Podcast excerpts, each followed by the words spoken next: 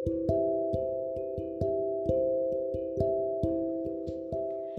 kawan kuda, apa kabar kalian hari ini? Semoga semua dalam keadaan sehat dan tentunya pasti semangat. Kawan kuda, hari ini kuda ingin membacakan salah satu seri 10 dongeng Nusantara yaitu buku cerita Dwi Bahasa Interaktif hasil kerjasama Rumah Dongeng Mentari dan Indika Foundation. Ngomong-ngomong, kuda mendapatkannya secara gratis, keren banget kan? Dan kuda ingin berbagi cerita yang indah ini dengan kalian semua. Ceritanya berjudul La Moelu dari Sulawesi Tenggara. Sudah siap mendengarkan? Yuk, yuk, yuk! Aku pergi dulu ayah, kata Lamuelu kepada ayahnya. Sehari-hari, Lamuelu memang mencari ikan untuk dijual di pasar. Hari ini, Lamuelu memancing seperti biasa. Sayangnya, hingga senjam jelang, tak seekor ikan pun ia dapatkan.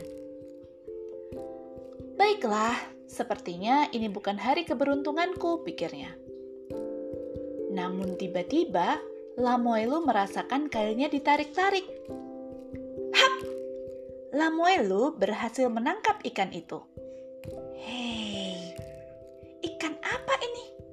Kok bentuknya tidak seperti ikan-ikan lainnya? Bentuknya yang tak biasa membuat Lamuelu ingin memelihara ikan itu. Ayahnya memberinya wadah kecil. Masukkan ke sini saja, Ikan kecil, ku beri kau nama Jinande, kata Lamoelu dengan riang.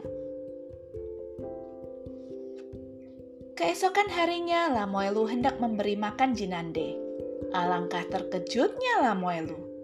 Jinande sudah tumbuh besar. Pindahkan ikanmu ke lesung ini, saran ayahnya. Lamoelu pun segera melakukannya. Ia semakin sayang dengan Jinande keesokan harinya, Wah, Jinande, kamu makin besar! Seru Lamuelu panik. Lesung sudah tak bisa menampung badan Jinande. Lepas ikanmu ke laut, kata ayahnya. Lamuelu dengan berat hati melepas Jinande.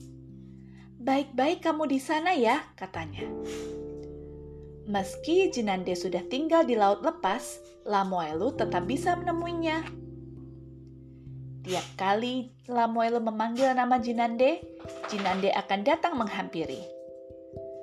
Tak disangka, dua orang pemuda mengamati apa yang dilakukan Lamoelu. Kalau kita bisa menangkap ikan besar itu, kita akan kaya.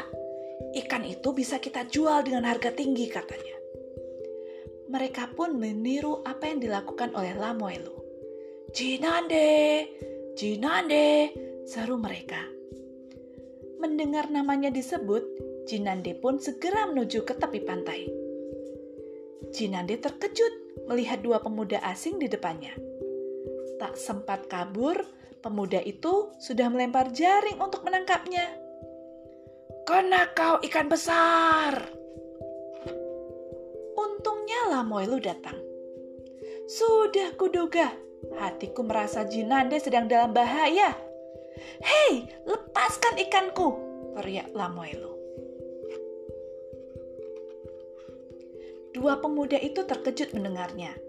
Mereka malah menantang Lamoelu. Dengan sigap, Lamoelu mengambil pasir pantai dan melemparnya ke wajah dua pemuda itu. Aduh mataku, saru mereka, seraya melepas jaring.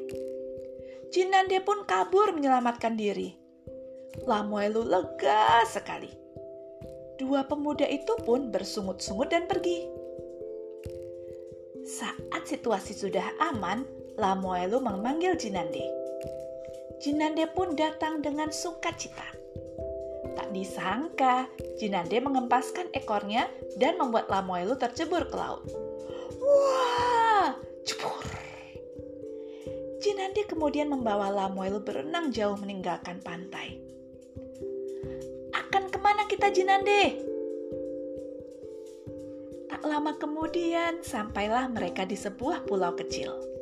Lamoelu terperanjat karena pulau itu banyak ditumbuhi pohon yang berbuah emas dan perak. Jinande meminta Lamoelu mengambil beberapa buah itu sebagai hadiah dan balas budi. Terima kasih Jinande, bisik Lamoelu terharu. Sejak saat itu, Lamoelu dan ayahnya menjadi kaya raya. Meski begitu, mereka tetap rendah hati dan dermawan. Tak terhitung warga yang ingin dibantu oleh mereka. Dan mereka pun membantu mereka. Nah, kawan kuda, apakah kamu ingin memelihara ikan seperti Lamoelu? Seperti apa ikan yang kalian ingin pelihara? Semoga kalian menikmati cerita kuda kali ini yang berjudul La Moelu oleh Kak Watik Ideo diilustrasi oleh Kak Khairul Anwar. Persembahan dari Rumah Dongeng Mentari bekerjasama dengan Indika Foundation dan Imagination Indonesia. Terima kasih sudah mendengarkan dan dah kawan kuda.